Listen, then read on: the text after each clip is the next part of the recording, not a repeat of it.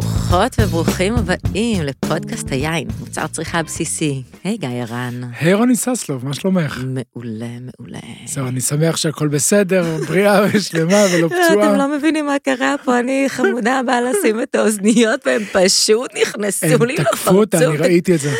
וואי, ראית ונקרעת מצחוק. זו הייתה תגובה אינסטינקטיבית ובריאה.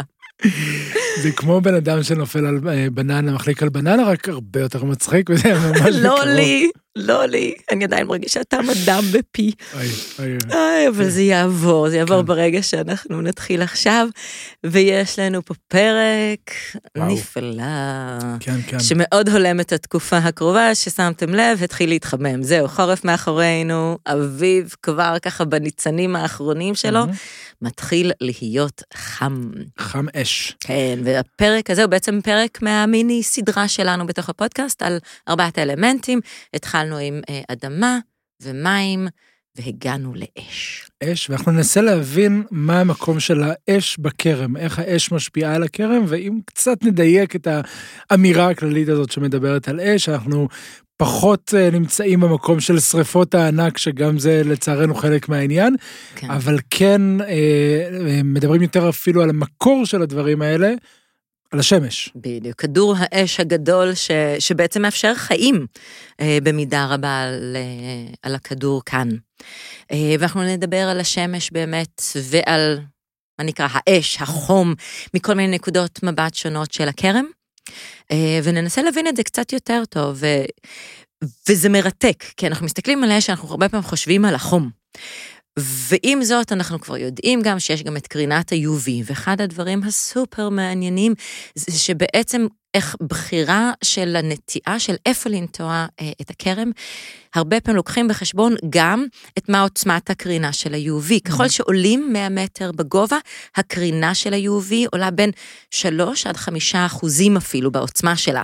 אוקיי, כשבעצם אנחנו מדברים גם על הגובה של הנטייה והמיקום של הנטייה, אבל גם על אה, זוויות של נטייה אל מול השמש ועל צורת הגידול, על ההדליה, על ה training של, ה- של ה vine, של הגפנים, המון אלמנטים ש, שתלויים בעצם אה, בשמש, נכון. אה, וכמו שאמרת, שמש זה מקור החיים וזה גם מה שמסיים הרבה מה, מהחיים, כן. אה, אז צריך במידה. במידה ובאמת זה מאוד מעניין גם לראות איך כל אה, אזורים שונים בעצם יש אדפטציות שונות. כי אחד הדברים שגילו שככל שנוטעים גבוה יותר בגובה, ואז כמו שאמרנו עכשיו ה-UV עוצמתי יותר, אז בעצם הענבים עצמם, כמו לשים אה, אה, קרם הגנה מהשמש, מפתחים יותר צבע אה, וקליפה עבה יותר. זה במידה מסוימת גם מה שבני אדם עושים, שמתאימים את עצמם, רק שהענבים, הגפנים, זה, זה קורה הרבה יותר מהר, הרבה יותר ברור, אפשר ממש לראות את אותו זן ענבים שגדל בצרפת או בניו זילנד למשל, שם הקרינה קצת יותר חזקה, התוצאות שונות לחלוטין, אנחנו מקבלים השפעות מאוד מאוד שונות, וכשאנחנו מדברים על מקומות אחרים שהם אפילו עוד יותר גבוהים, שהקרינה שם עוד יותר חזקה, כמו ארגנטינה, שם בדיוק. בכלל כבר יש משהו שלישי. ומן הסתם הכל בסוף מגיע ליין. זה אומר שמאזורים גבוהים יותר בגובה שלהם, בגלל ה-UV אנחנו נצפה לקבל יינות אה, עם עפיצות הרבה יותר גבוהה, עם ריכוז תנינים הרבה יותר גבוה ועם הרבה יותר צבע. כן, כי Nice. בעצם, בעצם הקליפה משתנה, ואנחנו ממש ממש מצליחים לראות את הדבר הזה, ו- וכשמדברים על טרואר, אז זו דוגמה נהדרת להבנה של טרואר שאנחנו לא ממש חושבים עליה ביומיום שלנו. ננסה קצת להבין את זה לעומק ולהבין את המקום של השמש. אולי אה, ננסה לעשות את זה ביחד עם מישהו שחי את זה ביומיום שלו וחווה את השמש ביומיום שלו קודם כל. בהחלט, ו- ונשמח להזמין את האורח הראשון שלנו. אה, אדם אלפסי הוא הקורם והיינן של יקב הר אודם. אה, הוא גם מלווה כרמים נוספים, ומה נקרא חי פוטוסינתזה מבפנים. שלום אדם. היי אדם. שלום לכם, תודה שהצטרפת אלינו. שמח מאוד להצטרף. ונשמח מאוד לקבל את, ה, את הפרספקטיבה שלך, את הניסיון שלך, את החוויות שלך, שבעצם כקורם, אמ, במה השמש משפיעה על הבחירות שלך, מבחינת ה, אה, איפה לנטוע, איך להדלות, לגדל את הגפנים, אה, מה, מה בעצם עובר ב... ב מה, מה מנעד השיקולים, נגיד? אה, טוב, אז קודם כל, מבחינתי, כשאני מסתכל על, אה, על הכרמים שלי ועל ישראל בכלל, ומה משפיע על, ה, על הטרואר שלי, אז השמש בעיניי במקום ראשון. היא הגורם הכי, הכי דרמטי, הכי משמעותי. יותר מקרקע, יותר ממים, יותר מאוויר. כן, כי תראה, היא עומדת מול המים, המים זה, זה הכלי לווסת את ההשפעה שלה מבחינתי, כיוון שאנחנו משקים בכל הכרמים שלנו. בדיוק, אז מים זה משהו שכן אפשר אה, לבחור במידה מסוימת, לעומת השמש, שגם שם יש לנו בחירות, אבל הן אולי קטנות יותר או שונות בהחלט. הן מוכתבות מהתא שטח שבו בחרנו לטעת את הקרן. וזה ישפיע לנו קודם כל על, על בחירת זן הענבים.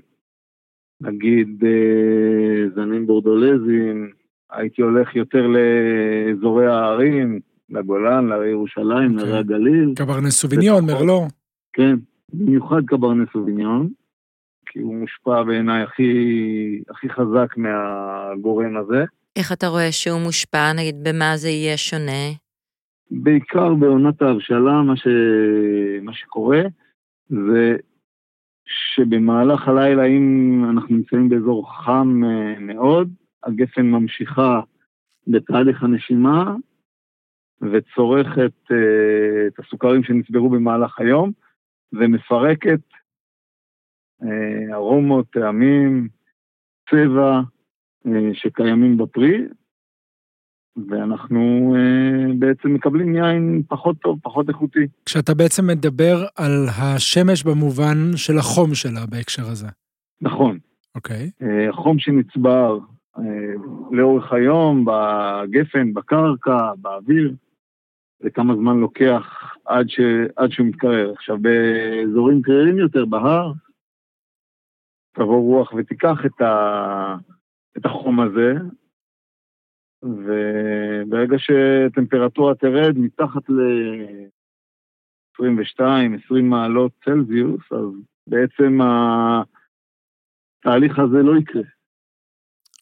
אוקיי. Okay. אנחנו בעצם נקבע את כל מה שצברנו במהלך היום, ונוכל לקבל פרי איכותי יותר וטוב יותר. הבנתי, אז בעצם יש לנו איזשהו משחק שבין החום של השמש לבין הוויסות של אותו חום על ידי רוח. כן, בהחלט. אוקיי, okay, ואיך עוד אפשר לווסת את, את החום הזה, אם בכלל? אנחנו צריכים לנהל את המשטר מים בכרם, ככל ש... מצד אחד אנחנו רוצים גפן בסוג של עקה, כי זה מעודד את הגפן לייצר את החומרי צבע וטעם. עקה כלומר חוסר במים.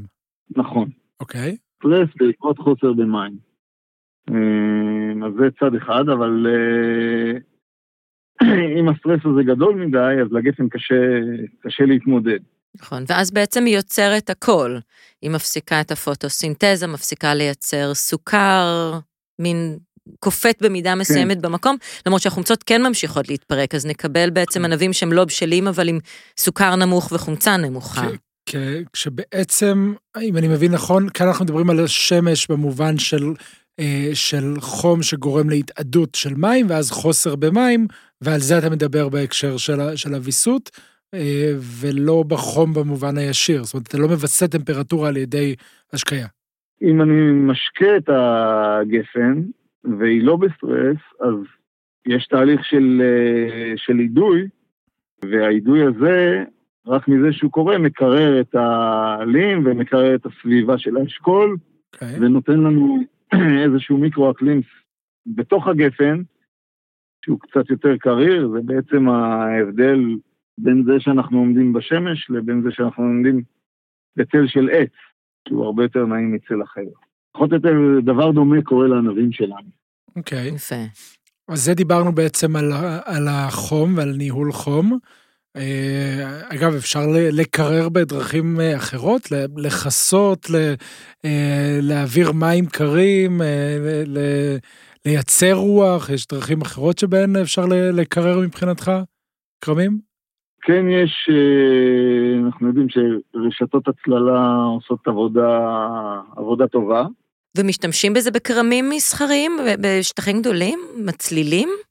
יחסית מעט, בגלל העלויות מול, ה, מול התועלת שזה מביא, לא הגענו עוד כן. להכרה שזה, שזה מה שפותר לנו את הבעיות, או שהבעיות שלנו מספיק חמורות בשביל להשתמש בעלות הנוספת הזאת. כן, גם יש עלים שהם במידה מסוימת משרתים.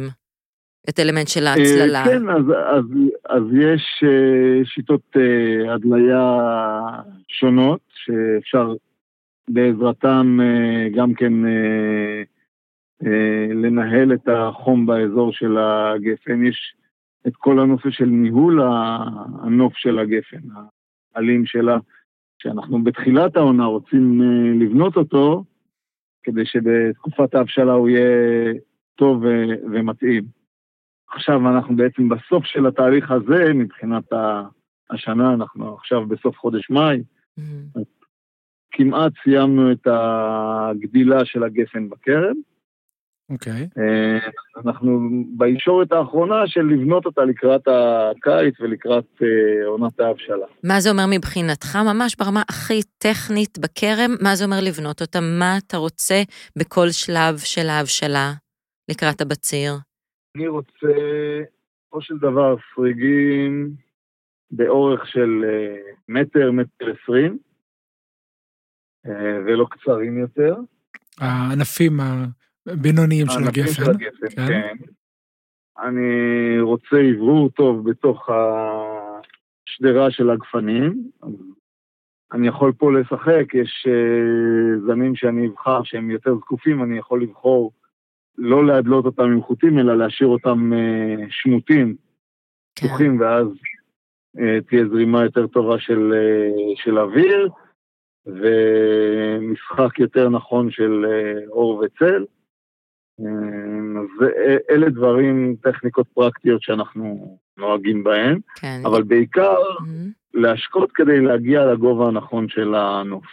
אוקיי. Okay. אוקיי. Okay. ומצד שני, אה, שמעתי ב, ביקבים מסוימים אה, בצרפת, בבורדו למשל, שלקראת הבציר, אה, ממש בשבוע, שבועיים שלפני הבציר, מורידים חלק מה... או מנהלים את הכמות של העלים שיש, כדי לנהל את כמות הנוזלים שיש בגפן, ובעצם כמות הנוזלים שיש בענבים.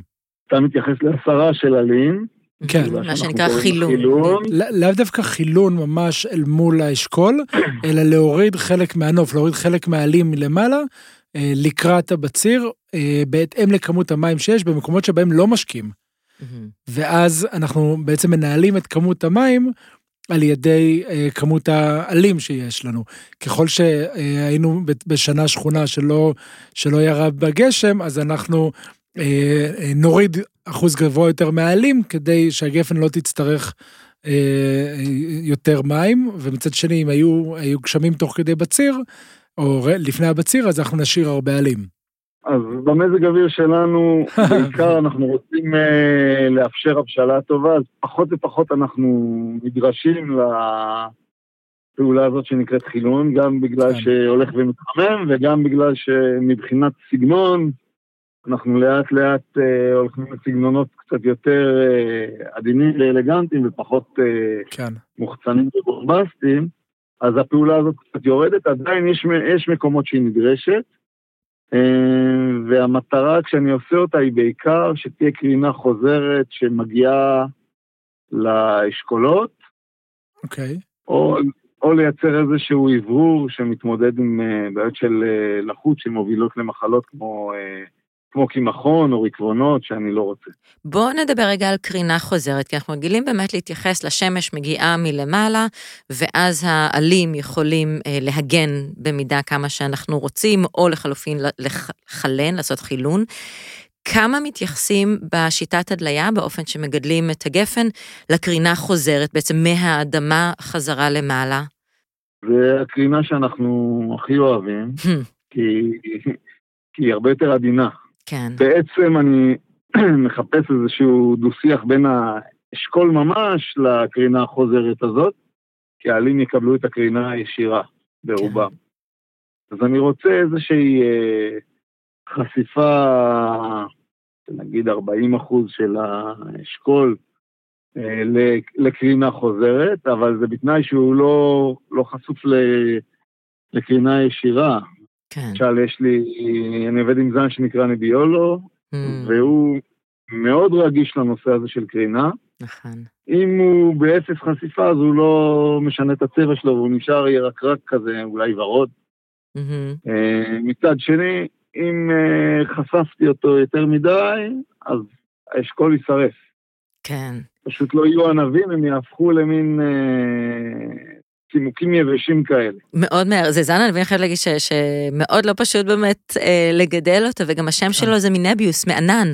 זה זן ש, שגידלתי מעידו סירקין, ובאמת לא אוהב שמש, ודווקא כשבאה איזושהי עננות, פתאום הוא מגיע להבשלה יפה, ופתאום למיץ יש ריח של פטל אדום ופלפל שחור, והוא מאוד ספציפי. כמו מה שקורה בעצם בצפון איטליה, בברולו ברברסקו, משם הוא מגיע.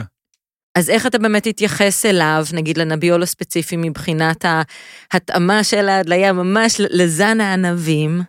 אה, אז אני חייב אה, לעצב אותו באופן זקוף, בגלל איך שהוא צומח ובגלל אה, העובדה שאני מגדל אותו בזמירה ארוכה. אבל אני אנהל את העלים שלו, יש לו הרבה בני סריגים, שזה ענפים קטנים שגדלים מהענפים הגדולים של הגפן, ואני בצד המערבי שהוא יותר חם, אני אחתוך אותם לשניים שלושה עלים, ובצד המזרחי שמקבל את השמש של הבוקר היותר אה, עדינה, אני אוריד את הבני סריגים האלה לחלוטין. מהמם. בעלים עצמם שגדלו על הענף המקורי, אני לא נוגע. יפה. אוקיי. דיברת קודם על, אה, על אה, הקרינה החוזרת, ובעצם אה, אנחנו צריכים את הקרינה, אמרת, כדי לעשות את השינוי של הצבע באשכול. איך גורמים לזה שכל האשכול יחליף צבע באותה, בא- באותה מידה? כי בעצם זוויות שונות של האשכול חשופים לשמש בצורה שונה. אנחנו מתעסקים בסוף עם מוצר טבעי בכל ההיבטים שלו, אז אף פעם זה לא יהיה הכל אחיד ב-100% ומושלם. אבל אה, כן, אשכולות מגיעים סך הכל להבשלה די, אה, די אחידה מבחינת אה, צבע, וגם משאר הבחינות. דווקא כשיש לי חשיפה עודפת לשמש, אז אני רואה הצטמקויות בגרגרים החיצוניים, ואפילו מכות שמש, אז זה דברים ש, שיותר מטרידים אותי, ובגלל זה אני משתדל לא להגיע למצב של חשיפה לקרינה ישירה. כן. גם יש משהו שבמידה מסוימת, היין בסוף הוא אה, מין אה, הס- הסם, הסך כל חלקיו.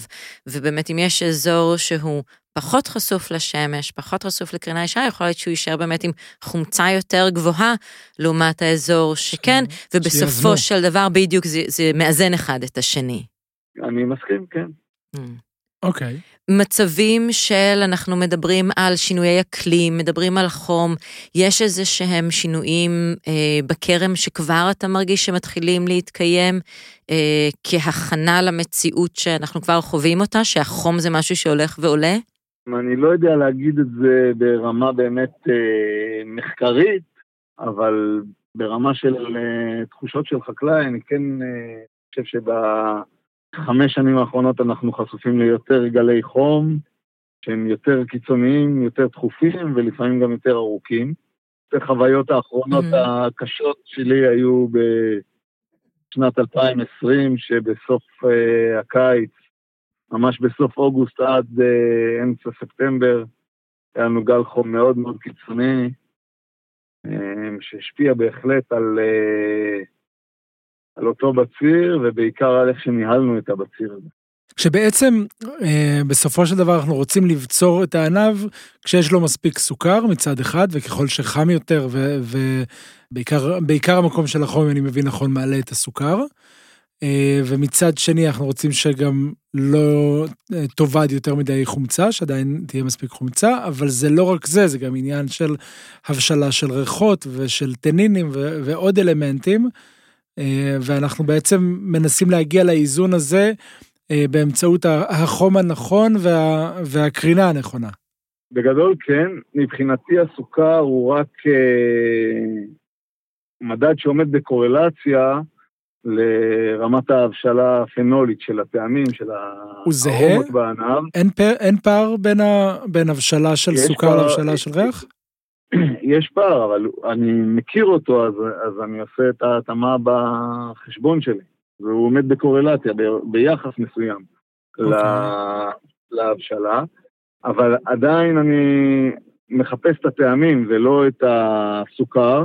ודווקא במציאות כזאת של uh, גל חום, שמגיע בקצה עונת ההבשלה, אז יש שתי אפשרויות. אחד, שההתקדמות תיעצר כולל של הסוכר, mm-hmm. והשני, אם הגל חום הוא באמת חמור, אז אנחנו נלך לכיוון יותר של אה, הצטמקות, ואז הסוכר יכול לקפוץ, והחומצה יכולה ללכת לאיבוד, והטעמים יכולים להתפרק.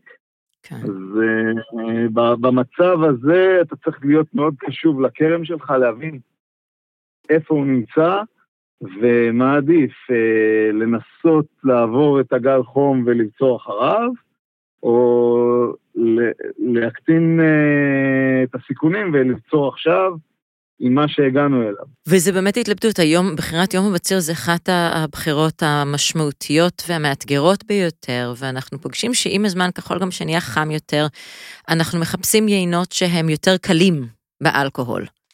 אה, עם זאת, הולך ומתחמם, אה, ובעזרת הפוטוסינתזה, השמש, עלים, יש לנו יותר סוכר. איך בתור קורם אה, אפשר בכל זאת להתמודד עם זה, עם הרצון לאלכוהול נמוך ובכל זאת להבשלה פנולית, להבשלה של הריחות שהיא אופטימלית? קודם כל, התחלתי ואמרתי שמבחינתי זה הגורם הכי משמעותי בטרואר, וככזה אני חייב לעבוד איתו. זאת אומרת, זה משהו שאני רוצה שיבוא לידי ביטוי בעינות שאני מייצר. אז אני לא רוצה עינות שהם בהבשלת יתר ושהם ריבתיים ושהם מאוד כבדים אה, בתחושה שלהם, אבל אני כן רוצה שתהיה להם אה, הבשלה יפה, מלאה, הרבה פרי, שזה משהו שאצלנו יחסית קל להשיג ב- בישראל בכל החלקים. כן. אז בשביל לא ליפול אה, לצד הבעייתי של ההבשלה, של הבשלת יתר, אז כן צריך קודם כל להכין את הכרם למצב הזה. זאת אומרת, אם אני יודע שהולך להיות גל חום, אני אשקה הרבה ולפני שהוא מתחיל, ואמשיך תוך כדי.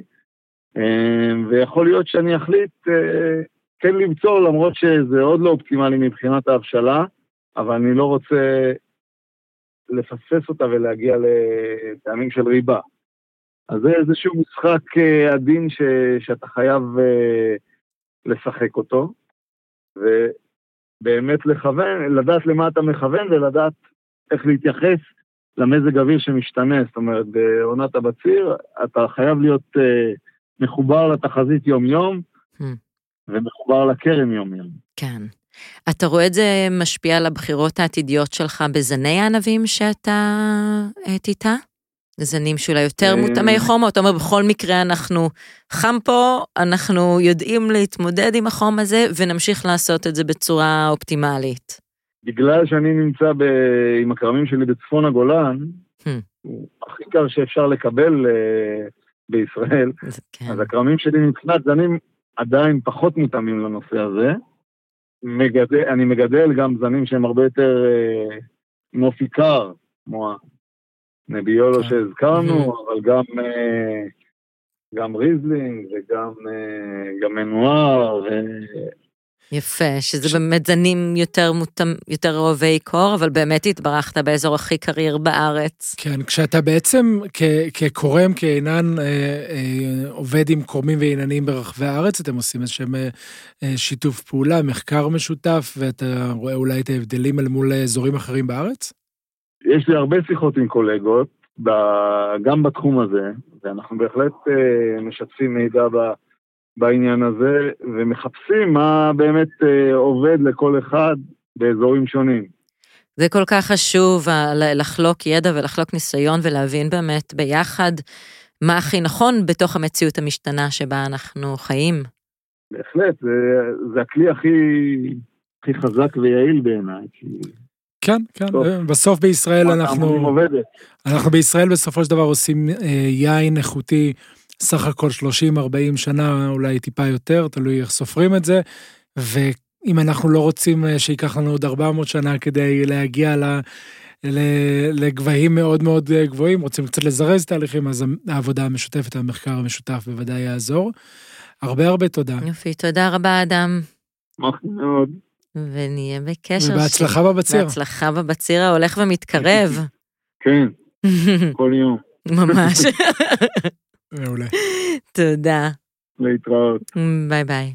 אז פה עוד מצבנו מבחינת באמת הכמות מספקת של שמש שתאפשר לפוטוסינתזה ליצירת סוכר בענבים, שאחר כך יהפוך לאלכוהול אופטימלית, אבל כן יש מקומות בעולם, קשה אולי להאמין כרגע, ובטח זה הולך להשתנות, שהם נמצאים אה, מתחת לזה. ואחת הדרכים המעניינות להבין בכלל אם האזור מותאם לגדל בו ענבי יין או לא, זה מה שנקרא GDD או GDU, Growing Degree Days או Units, מהמם. שזה בעצם מדבר על הממוצע טמפרטורה אה, פחות ה-10 מעלות צלסיוס, כי ה-10 מעלות זה מתחת לזה, זה, זה הכרם בתרדמה, כן. ומעל זה היא מתחילה להיות פעילה.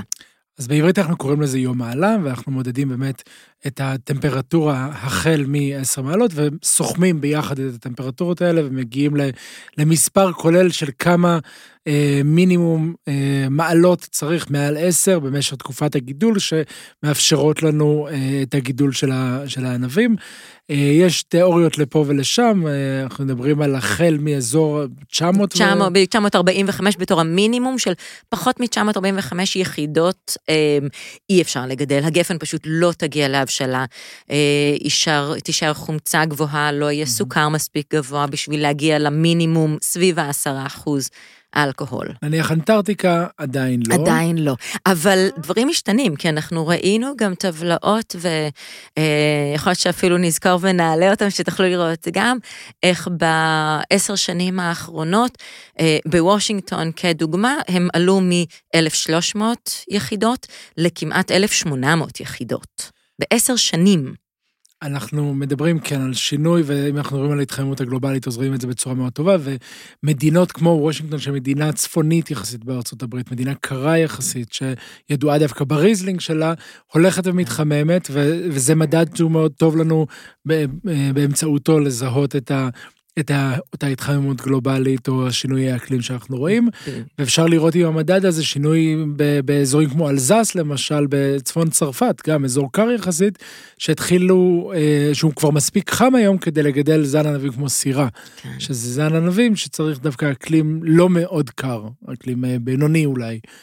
אה, כן, אז זה באמת אחד הפרמטרים שמתוך זה אנחנו מבינים גם אה, על הסיכוי ועל הפוטנציאל ובאמת על הסגנון, כי ככל שהטמפרטורה עולה זה משפיע גם על הרכב, הרכב הפנולי, הרכב גם של הצבע, אבל גם של אה, מרכיבי הריח שיש בענבים עצמם. נגיד באזור אה, קריר יותר, יכול להיות ריחות שהן יותר כמו לינלול, יותר אה, פרחים רעננים, אה, לעומת זאת כשמתחמם, אז יהיו ריחות יותר של אה, גרניום או לימון, ובכלל אנחנו מכירים את זה שאקלים קר יהיה יותר פרי אדום או פרי חמצמץ רענן בריחות של היין, וככל שהאזור יהיה אה, חם יותר, וגם חשוב לציין בציר מאוחר יותר, הבשלה אה, גבוהה יותר, אז נקבל את הריחות יותר של ה... לא נגיד אננס אה, ירוק, אלא אננס בשל, או אה, לא בהכרח אה, נאבד אולי את הליים ונקבל פתאום גויאבה, משהו יותר טרופי, שמקבלים ב- באזורים חמים יותר, וזה יהיה מאוד מעניין לראות איך הז... הפרופיל הארומטי של זנים שאנחנו מכירים אותם באופן מסוים, עם השנים ועם ההתחממות, פתאום הפרופיל הארומטי האופייני להם הולך להשתנות ולהיות הרבה יותר טרופי וחם. ואפשר לראות דוגמאות אה, אה, בולטות כשמדברים על לימוד יין, למשל, קחו למשל את הסוביניון בלאן, שזה זן ענבים שנפוץ אה, בלא מעט מקומות בעולם, ותיקחו אותו במקומות אה, שהם אה, קרים יותר, כמו סנסר, פואי פומה, לא רחוק מפריז, צפון צרפת. אז אנחנו נקבל משהו שהוא בצד ה- באמת ה- הירוק יותר, העסבוני קצת, ה- אה, אה, משהו של אה, פירות ירוקים ואולי קצת פירות הדר, וככל שהוא יגדל באזורים חמים יותר, אנחנו נקבל משהו יותר טרופי אפילו, אה, פסיפלורה וגויה ומקומות כאלה. וכאן דווקא רציתי לשאול אותך, איפה נכנס פה המשחק שבין מצד אחד טמפרטורה שמגיעה מהשמש, שהשמש משפיעה עליה, לקרינה שמגיעה מהשמש, אה, כי יש אז- אזורים, ספציפית נגיד סוביניון בלאן, שמגיע אה, מניו זילנד, זו מדינה שהיא קרה יחסית, אבל הקרינה שם חזקה. בדיוק, אז את הקרינה אנחנו נעשה רק לרגע, למרות שאי אפשר באמת להפריד ביניהם, אבל כן לשם חשן נעשה רגע הפרדה אה, מרכזית. ואנחנו מדברים על הקרינה ברמת ה-UV, אז כמו שאמרנו מקודם, זה באמת יעלה את הצבע. אנחנו צפויים לקבל הרבה יותר צבע ביין עצמו, בענבים האדומים. אה, נגיד הקרינה בניו זילנד היא ב-30 אחוז יותר גבוהה מאשר בבורדו. אז זה ישפיע על הצבע, וזה ישפיע גם אה, על העפיצות, על כמות התנינים שיש בענבים, ואחר כך מן הסתם בעצם על עובי. הקליפה שאמרת קודם. בדיוק, זה, זה ממש לי- כמו לגדל, אה, כמו לשים מין קרמת שיזוף, או לגדל אור אה, כהה יותר שעמיד יותר. השמש, הסיפור שלה, הוא קצת דומה, שונה. במרכזי שלה היא זאת שאחראית לפוטוסינתזה, היא זאת שאחראית שבתוך העלים אה, ייוצר הסוכר שיעבור לענבים. אז ברגע שיש אה, חום גבוה והרבה שמש, אז נקבל סוכר יותר גבוה. גם אחד הדברים שהחום עושה, הוא מפרק את החומצה. אז החום, אה, השמש, תעלה את הסוכר ותוריד את החומצה, אה, וה-UV באופן ישיר יעלה את הפיגמנט ויעלה את התנינים, ואנחנו נקבל יין שיהיה בעצם מין יותר מובהק חם, שהוא עשיר ומלא ואלכוהולי ומלא צבע, לעומת יין נגיד מאזור שאו שיש פחות שמש, או שיש יותר אה, עלים, אה, שהוא יהיה אה, קל יותר, עם פחות פיגמנט, כמו שאנחנו... כדוגמה קיצונית אחרת, נגיד הפינו נואר בבורגון, Mhm. שגם, זה נכון שמראש בקליפה יש לו פחות, אבל גם ככל שיהיה לו פחות שמש ישירה עליו, אה, הוא יישאר בעצם, את הפוטנציאל להישאר בהיר, יותר. אני אקח אה, נגיד את המלבק הארגנטינאי מול המלבק הצ- הצרפתי. מדהים, ששם, נגיד, הוא יכול להיות, לגדול באזורים מאוד מאוד גבוהים, בגובה של שלושה אה, קילומטר. שזה פסיכי, אז שם אנחנו באמת נצפה לקבל גם יין מאוד עוצמתי בצבע שלו. אה, מלא נוגדי חמצון, מלא מהפיגמנט, מהאנטוציאנינים האלה. כן. ואז ממש רואים שה- שמלבק ארגנטינאי ומלבק צרפתי, יש להם טעם שונה לגמרי. נכון. גם במראה שלהם הם יכולים להיות מאוד שונים, וגם באמת בטעם שלהם, וגם בתחושת הפה, בתנינים, בעפיצות שלהם. אה, וככל שעובר הזמן, אז זה נהיה יותר קיצוני, הכל נהיה קצת חם כן. יותר, אבל זה באמת מעניין, כי אנחנו כאנשים רוצים לשתות יינות קלים יותר. כן. ופה גם בחירה של יום הבציר נכנסת. ופה גם החיל, ה- העלים, אם פעם היינו כזה מסדרים את כל הגפנים שיהיו מסודרים למעלה למעלה כמו חיילים, ושאפשר לראות למטה את כל האשכולות אה, חשופים, היום בהרבה אה, כרמים אפשר לראות ששיטת ההדליה היא דווקא קצת יותר, נראה לנו אולי מבולגן בעיניים, אבל בעצם נותנים לזמורות, נותנים לענפים אה, לעשות צל. כדי שהשמש לא תצרוב ממש צריבה פיזית של הגרגרים, כן. ולא תגרום להם להיות צימוקים. כן, ושלא נקבל אה, טעם של צימוקים וטעם של אה, פירות מיובשים ו, ושל אה, פירות משומרים, וזה טעם שהוא, שהאסוציאציה שלו היא כבדה יותר, היא פחות קלילה, ש, שדיברנו על זה קודם. אה, והאמת היא שעוד דוגמה מעניינת למי שמאזין לנו ורוצה לראות את, ה, את ההבדלים, אה, סירה, שירז. אה, אם אנחנו ניקח את אותו זן הסירה מ... אה, מאזורים שונים בתוך אה, צרפת, בתוך עמק קרון. חזרתי לפני כמה שבועות מביקור שם, וממש רואים את ההבדל של כשטועמים סירה מחלק שהוא קצת דרומי יותר, וככל שעולים צפונה, מקבלים משהו אחר, וכשאנחנו מדברים על כרמים שהם יותר לכיוון השמש, או פחות לכיוון השמש, אז אנחנו נקבל נקבל משהו שונה, ואולי הדוגמה הכי בולטת שם זה בצפון עמק הרון יש אזור שנקרא קוט רוטי.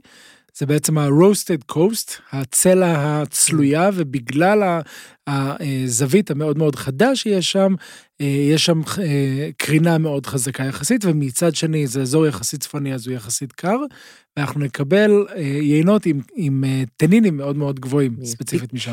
בגלל זה כשאנחנו מדברים על יין, הוא נותן כל כך הרבה רמזים של בדיוק מאיפה הוא, על פי הצבע שלו, על פי התנינים שלו, על פי החומצה שלו. הוא מספר את כל הסיפור של איפה הוא גדל, ואני חושבת שנושא של השמש באמת, והגידול, איך ואיפה בוחרים לגדל אותו, זה אחד הדברים באמת הכי מספרי סיפור של הזן. של איפה הוא גדל, תספר לנו, גבוה, נמוך. אמ, מה חשת באותו בציר, באותה עונה, ממש ככה, והם יספרו. כמו שהנביאים יודעים לספר, הם בהחלט יספרו. יפה, וגם נחמד להאזין להם כשהם מספרים תוך כדי השתייה. זה נכון. נהדר, בואי ננסה לקחת זווית קצת שונה ולנסות להבין איך הטכנולוגיה פוגשת את השמש. שזה עובדים הרבה מאוד באמת גם להבין מה, מה ביכולתנו לעשות. מה ביכולתנו לעשות, כי אם דיברנו עכשיו נגיד עם אדם על כן, אנחנו יודעים שאנחנו יכולים להשקות, ו, ובפרק הבא אתם תשמעו אותנו מדברים על אוויר והטכנולוגיה שמבוססת על זה. לכאורה, סביב השמש, אין הרבה שעושים. אפשר לכסות את השמש. אי אפשר לכסות את השמש, וגם הצללה, כמו שכן עושים עם הרבה פירות אחרים, זה לא כלכלי לעשות בגפן.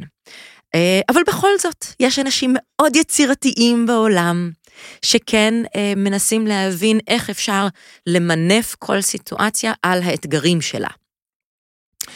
אנחנו נזמין את ניר הילר, שלא מגיע מעולם היין, אלא מחקלאות באופן כללי, ובכלל ממקומות אה, טכנולוגיים. הוא מנהל הפיתוח העסקי בחברת נקסטקום, זו חברה שפועלת בקידום פרויקטים בתחום האנרגיות המתחדשות, ובתחום ה... אה, אני בטוח לא הוגה את זה כמו שצריך, אה, אגרו-וולטאי, הוא יספר לנו על זה קצת יותר, זה עולם מרתק ש... שככל שצוללים אליו יותר. הוא פועל למציאה של פתרונות סינרגטיים שנותנים מענה לאתגרים שקיימים היום בחקלאות. מאמין ששילוב של פתרונות קיימים במערכת האגרו-וולטאי יש בזה הרבה מאוד פוטנציאל להתמודד עם השלכות של נזקי אקלים ושל התחממות גלובלית, והיכולת שלנו מצד אחד אה, למנוע אה, פגיעה, ומצד שני אה, לנסות תוך כדי הדבר הזה גם להרוויח עוד איזשהו משהו, לייצר עוד איזשהו משהו. זה די גאוני, זה כן, די גאוני. כן, אז בואי נזמין אותו לשמוע את זה קצת ממנו. שלום ניר. היי ניר. שלום וברכה. תודה שהצטרפת אלינו. תודה, תודה. ו... אה, פתחת לנו איזשהו צוהר לעולם שאנחנו לא פוגשים אה, יום יום. תוכל לספר לנו קצת יותר על מה מדובר כשאומרים אה, אגרו-וולטאי? בהחלט. קודם כל תודה, אני מאוד שמח להיות אצלכם בתוכנית. אני חייב להגיד ככה מה העשייה שלי ועם איזושהי אהבה אישית שיש לי ליין, אז ככל שאני יותר ויותר מכיר את התחום, זה יותר אני מגלה עניין, ואני שמח לראות באמת שיש את היוזמות כמו, כמו התוכנית שלכם, ואני שמח לקחת חלק. אז אה, אגרו-וולטאי זה בעצם עולם שנולד אה, מצורך שאפשר להגיד המקור היה בעצם אה, איך בעצם אנחנו מתמודדים עם אה, אה, הקיימות שאנחנו רוצים עכשיו לתת מקום לאנרגיות מתחדשות. אה, אפשר להגיד שאם היינו רגילים שתא שטח מסוים אה, יהיה מנוצל באופן אה, חד ערכי, זאת אומרת אם הוא היה רק אדמה חקלאית, או אם הוא יודע אדמה מסחרית, או אדמה למתקנים הנדסיים, אז כשבעצם מדברים על אגרו-וולטאי, מדברים על דו-שימוש, על האפשרות בעצם לאפשר מאותו תא שטח גם להפיק תוצרת חקלאית וגם להפיק חשמל.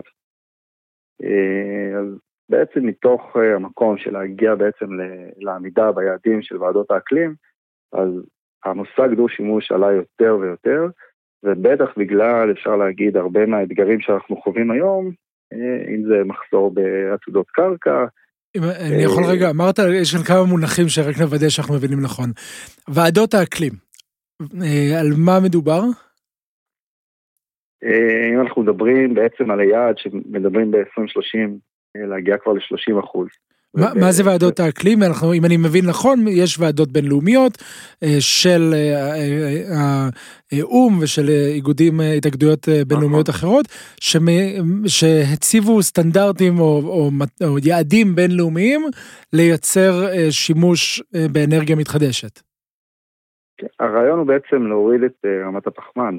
הכוונה היא שזו יוזמה בינלאומית, שעליה חתומים מספר מדינות, ביניהם גם ישראל. שבעצם אה, התאחדו ואמרו, אוקיי, אנחנו הולכים לעשות הרבה צעדים, אנחנו לוקחים מחויבות, כדי בעצם להתמודד ולשמור על כדור הארץ שלנו מבין, ה... מבין נקרא לזה ההשפעות שאנחנו עושים עם אה, יותר ויותר פחמן שאנחנו משחררים. ובין היתר זה גם אה, להשתמש יותר באנרגיות מתחדשות. אה, אז מתוך מקום לחפש עוד אפשרויות כיצד אפשר באמת לממש את, ה, את היישום של האנרגיות מתחדשות, נולד גם המקום להסתכל באמת על דו-שימוש, שבעצם על אדמה חקלאית ניתן יהיה להפיק אנרגיה, וגם להפיק את התוצרת החקלאית. באיזה פורמט האנרגיה שאתה מחפש להשיג? האם אנחנו מדברים על טורבינות אוויר, מדברים על פאנלים סולאריים, גם וגם? עוד אה, אופציות. העולם הזה הולך ומתרחב ככל שאנחנו אפילו מדברים. אני יותר, אני יותר מתעסק בעולם של הפאנלים הסולאריים, mm-hmm. ואני חייב לציין שככל שאני יותר ויותר נכנס לתחום, אני מגלה אה, פשוט הדדיות. אפשר לקרוא לזה מעין סינרגיה שמטיבה לשני הצדדים.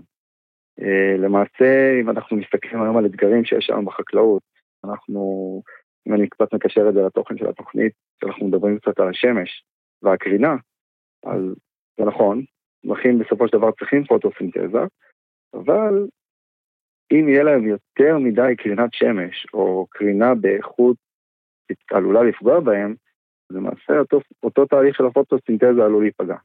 ויש מקום להטיב ולתת את הרמת קרינה המתאימה לצמח.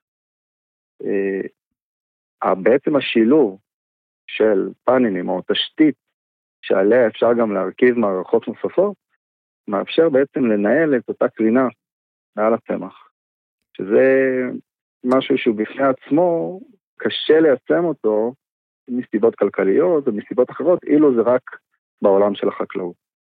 הסינרגיה מגיעה בעצם מההזדמנות שברגע שנכנס גם השוק של האנרגיה, אז יש פה בעצם איזשהו סוג של אילו אני אקים עכשיו אה, מבנה מסוים שיוכל לנהל את הקרינה רק עבור החקלאות, הוא יכול להיות שהוא יעלה לי הרבה כסף ביחס לא, לאותה תוצרת חקלאית, אם זה בענבי יין שאנחנו מדברים, אבל אילו אני משלב את זה על קונסטרוקציה קיימת שהיא גם ככה של פאנלים, כן. אז uh, למעשה. אנחנו צריכים להגיע לאיזושהי סינרגיה שאפשר להגיד לווין ווין משני הצדדים. שזה מדהים, שזה בעצם לא פשוט לשים, מה נקרא, רשת צל, אלא להשתמש בזה ושבעצם ההצללה תיעשה על ידי פאנלים סולאריים.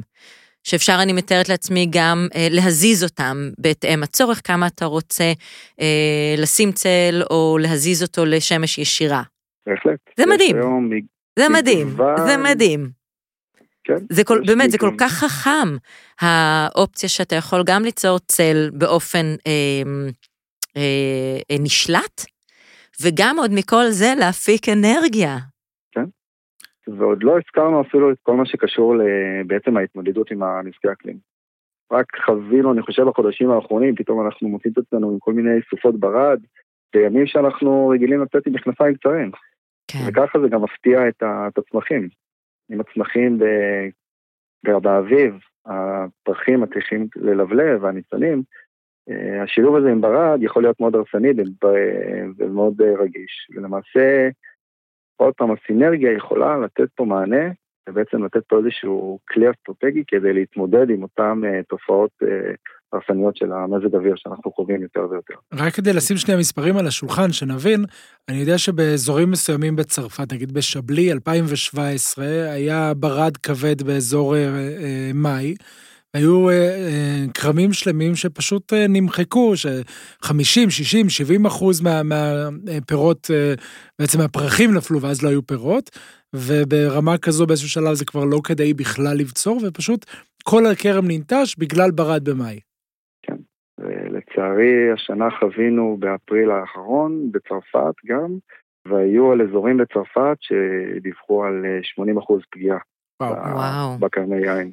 כמה זה מתחיל כבר לקבל יישום אה, בכרמים? כמה אפשר לראות את, ה, את המין דו-קיום הזה, ההפריה ההדדית הזאת בכרמים היום?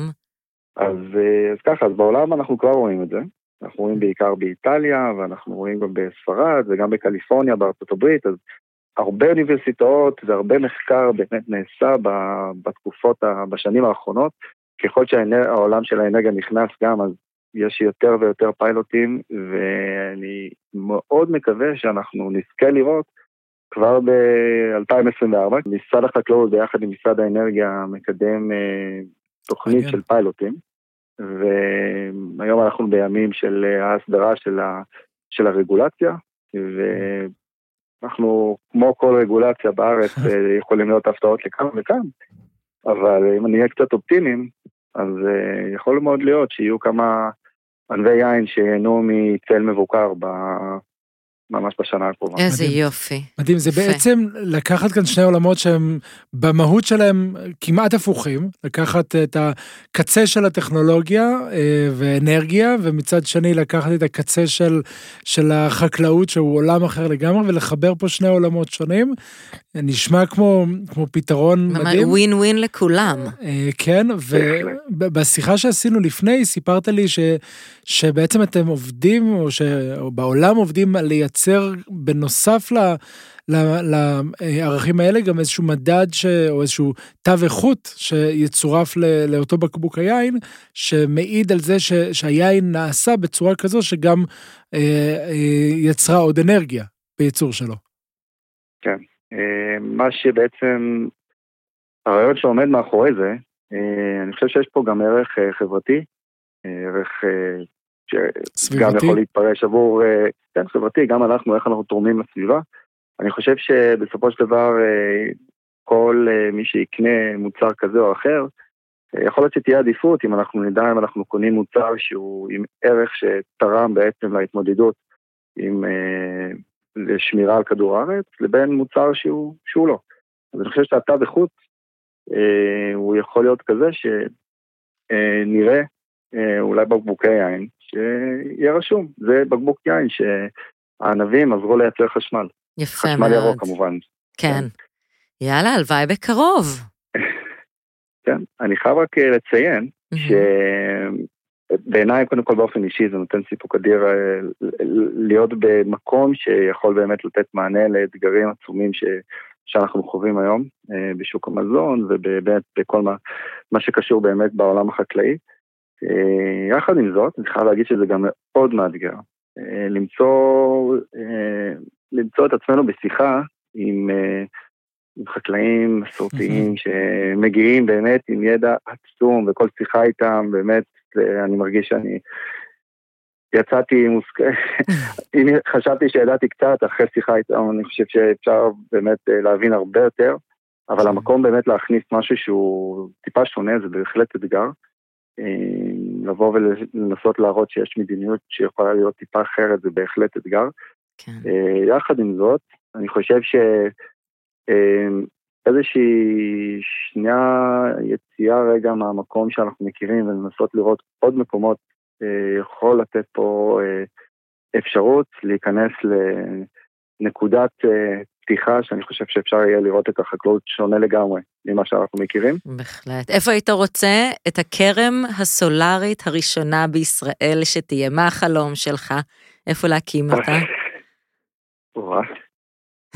אה, מקום ספציפי, קשה לי להצביע על מקום ספציפי, אה, אני כזה מדמיין דווקא את, אה, את לא יודע למה אני מדמיין בראש כזה את הר אביטל בצפון, שם כרמים מהממים, כן. אבל איפשהו אני חושב שהתמונה, שאולי חלק חוששים ממנה מבחינה סביבתית, חזותית, אני חושב שברגע שאנחנו נראה את הסינרגיה שמגיעה מהשילוב של העולמות, והתמיכה אחד כלפי השני, אם זה בהגנת אקלים והשיפור התוצרת, ואם זה בהפקת האנרגיה הירוקה, זו תמונה שיכולה בעצם לתת הרבה טוב כשנראה גם במקומות היפים כמו מקום זה שאני מדמיין ככה בראש בגולן. Mm. ועכשיו קורם שמאזין לנו, יינן שמאזין ורוצה לראות איך הוא יכול להטמיע את זה אצלו. איך אפשר לעשות, אה, לפנות אליכם, אליך, ולראות איך אפשר, אה, אה, אני מניח שזה עדיין לא קיים, מחכים עוד לאישורים, אבל להיכנס לתהליך. אז אני בחברת נקסקום, אנחנו בחברת נקסקום מפתחים פרויקטים באנרגיות מתחדשות. ספציפית, אני, העיסוק שלי זה באגרו-וולטאי. אה, בין היתר אני מוצא שילובים טכנולוגיים ואינטגרציה ש... שיכולה בעצם להטיב בפתרון, אה, לאו דווקא מהעולם של האנרגיה, מהעולם של האגריטק ומהעולם של החקלאות, ואני מזמין אה, כל מי שרוצה למצוא פתרונות שיכולים באמת להטיב משמעותית במדיניות של הגידול ולהיכנס איתנו לפיילוטים. אה, אני אשמח אה, לשמוע, לנהל שיחה, שיחה שבסופו של דבר רק אה, אפשר יהיה ללמוד אחד מהשני, בהחלט הזדמנות, הזדמנות מדהימה.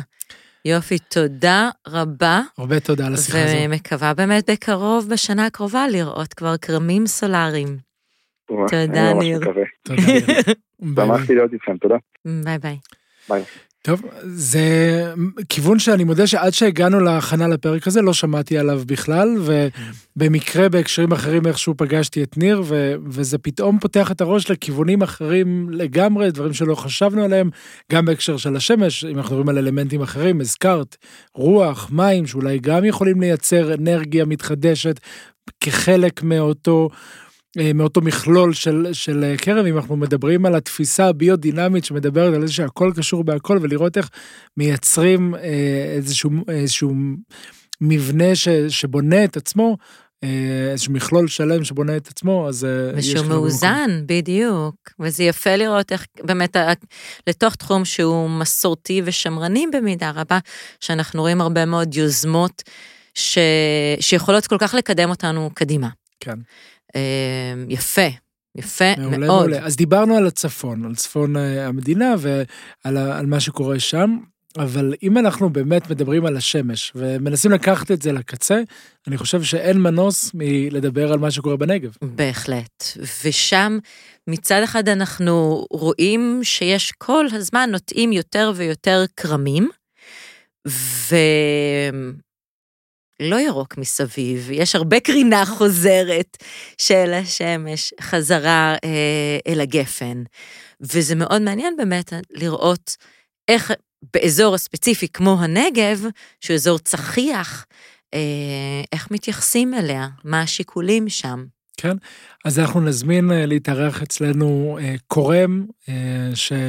אה, הוא קורם יין, הוא מגדל יין כבר לא מעט שנים, הוא מהראשונים שמתמחים ומתמקדים אה, באזורים האלה, קצת לשמוע על הזווית שלו, נזמין את אה, ערן ננה רז, כרם ננה, יקב ננה, לשמוע קצת על ההשפעה של השמש על מה שקורה בקרבים שלו בנגב. הלו. היי, היי. ננה, תודה שהצטרפת אלינו. אז ערן, אנחנו בפרק על השמש, ומי. עם מי טוב לדבר מאשר כן. איתך, איתך, בן אדם שמתמודד עם השמש, ומאוד נשמח לשמוע ממך בעצם איך השמש משפיעה על הבחירות שלך, על השיקולים שלך, גם ברמת מה לנטוע, או איך לנטוע, או מתי לבצור, או בוא נגיד איך השמש משפיעה על חייך באופן אוקיי. אישי ומקצועי. אוקיי, אוקיי. אז אה, קודם כל, אה, בלי השמש לא היינו עושים יין, כן? בואו לא ננפלט יותר מדי על השמש, אנחנו צריכים את השמש, אה, ואנחנו צריכים גם את הקרינה וגם את החום, אבל לא יותר מדי, שלא תגזים. ומה שאנחנו בתכלס, עכשיו ברצינות, מה שאנחנו מזהים פה בשנים האחרונות, עם כל ההתחממות הגלובלית, אנחנו מזהים שיש זנים שזה לא באמת משנה להם, ויש זנים שהם רגישים יותר, גם לקרינה וגם לחום.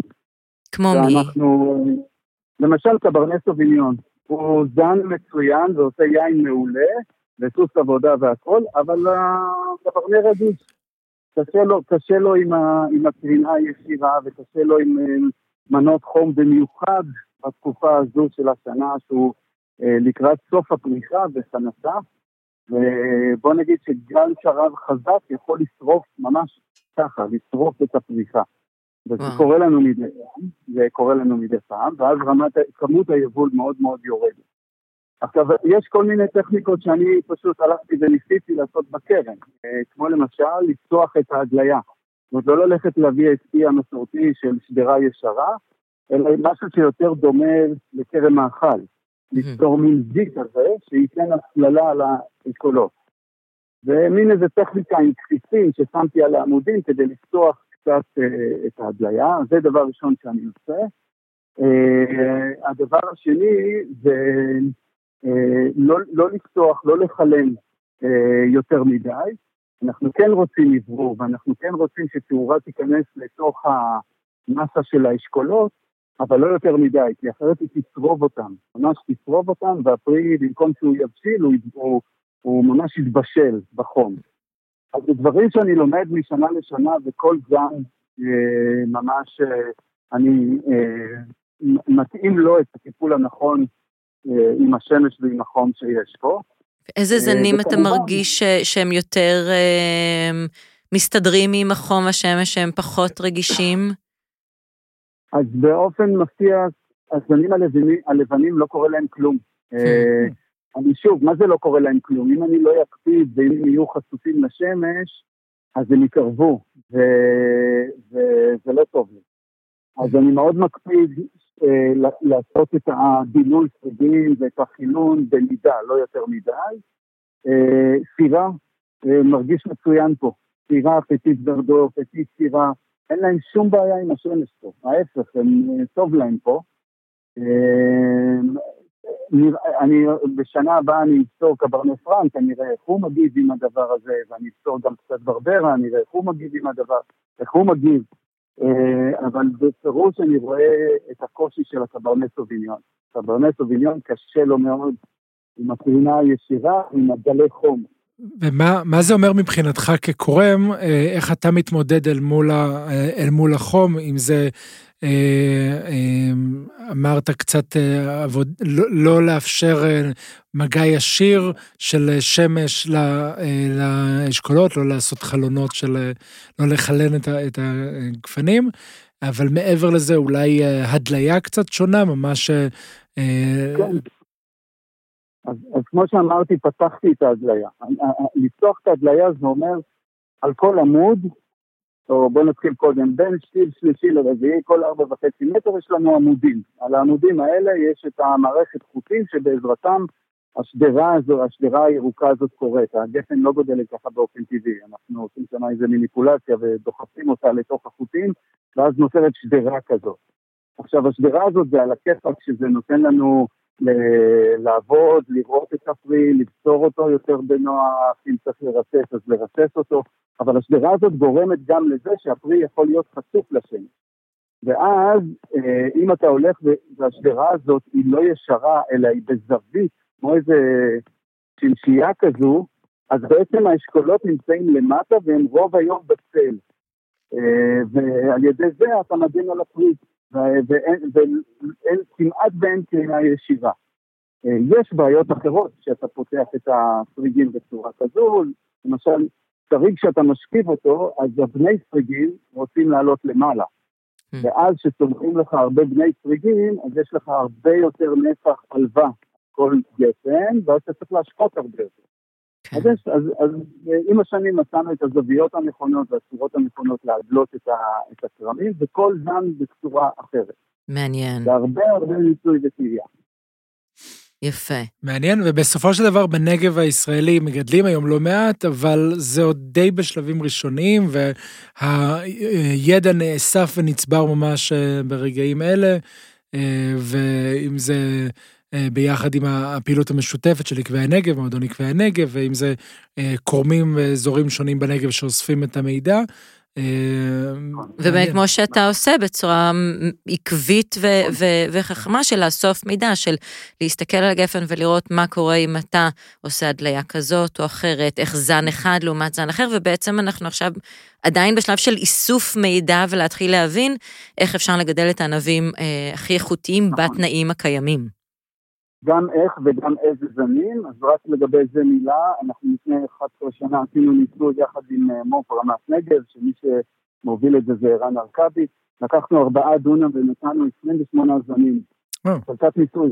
איזה יופי. איזה, איזה זנים, כאילו, על הכיפאק שהשוק מכיר את הקברנן, או לא, שרדונט, בלה בלה בלה, אבל אנחנו יודעים שיש עוד הרבה מאוד זנים, ובואו נבדוק מה מתאים למצפה רמון. איזה יופי. אחרי אה, עשר שנים, זאת אומרת, בצרנו בשנה הרביעית, עשינו טעימה עיוורת לפאנל של ינונים, ואחרי אחרי שלושה ארבעה בצירים, אנחנו יודעים לשים את האצבע ולהגיד, הזן הזה הוא הזן שצריך לנטוע פה. ניתן לכם אה, לנחש איזה זן אה, לקח אה, מקום ראשון בישר כל שנה? ניתן המ, לכם רמז זה זן לבן. לבן. לי להגיד השנין בלאן? אוקיי, אז, אז אני לא, לא, לא נביך אתכם. אה, חבר'ה, פרנץ' קולומבר. אוי. גדול. מעניין. פרנץ' קולומבר, number 1 by far, כאילו לוקח את. כולם.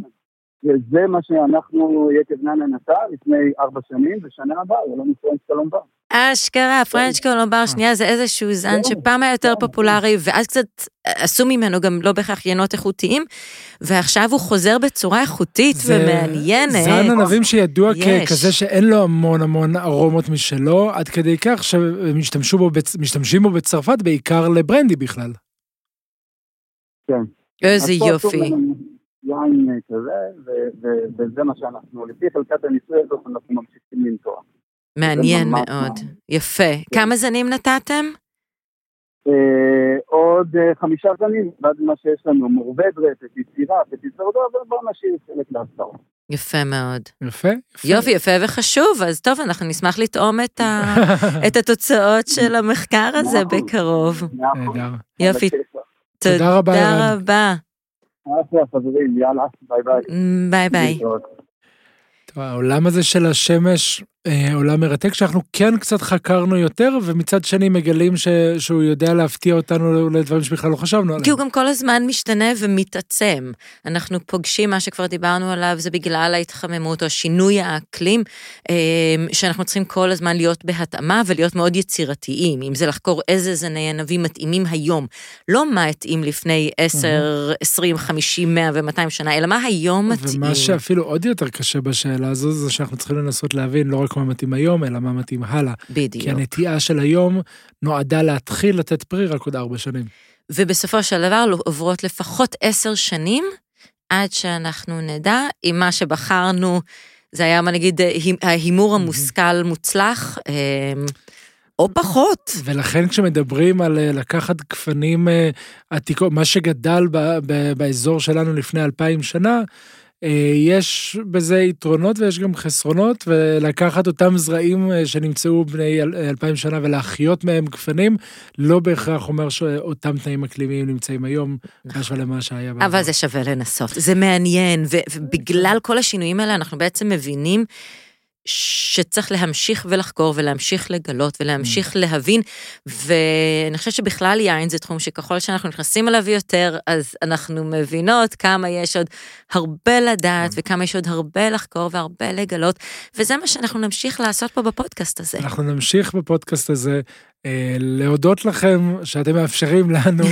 אה, לח- לחקור דברים שמעניינים אותנו, לדבר על דברים שמעניינים אותנו, ואנחנו מקווים שגם אתכם, ואתם בהחלט. מוזמנים לספר לנו מה מעניין אתכם, ואם אה, נגלה מפגש רצונות ועניין, אז אה, אז אנחנו נחקור את זה בהחלט גם. נמשיך בדיוק להביא זוויות חדשות ומרנינות ומעניינות ומסקרנות, ואתם מוזמנים גם כל זה לכתוב לנו גם בפורום שלנו בפייסבוק, מוצר צריכה בסיסי, וגם באתר אינטרנט שלנו, is basic, ויש הרבה פורמטים. אמ, להמשיך להעלות את השאלות המעניינות והנקודות מבט השונות.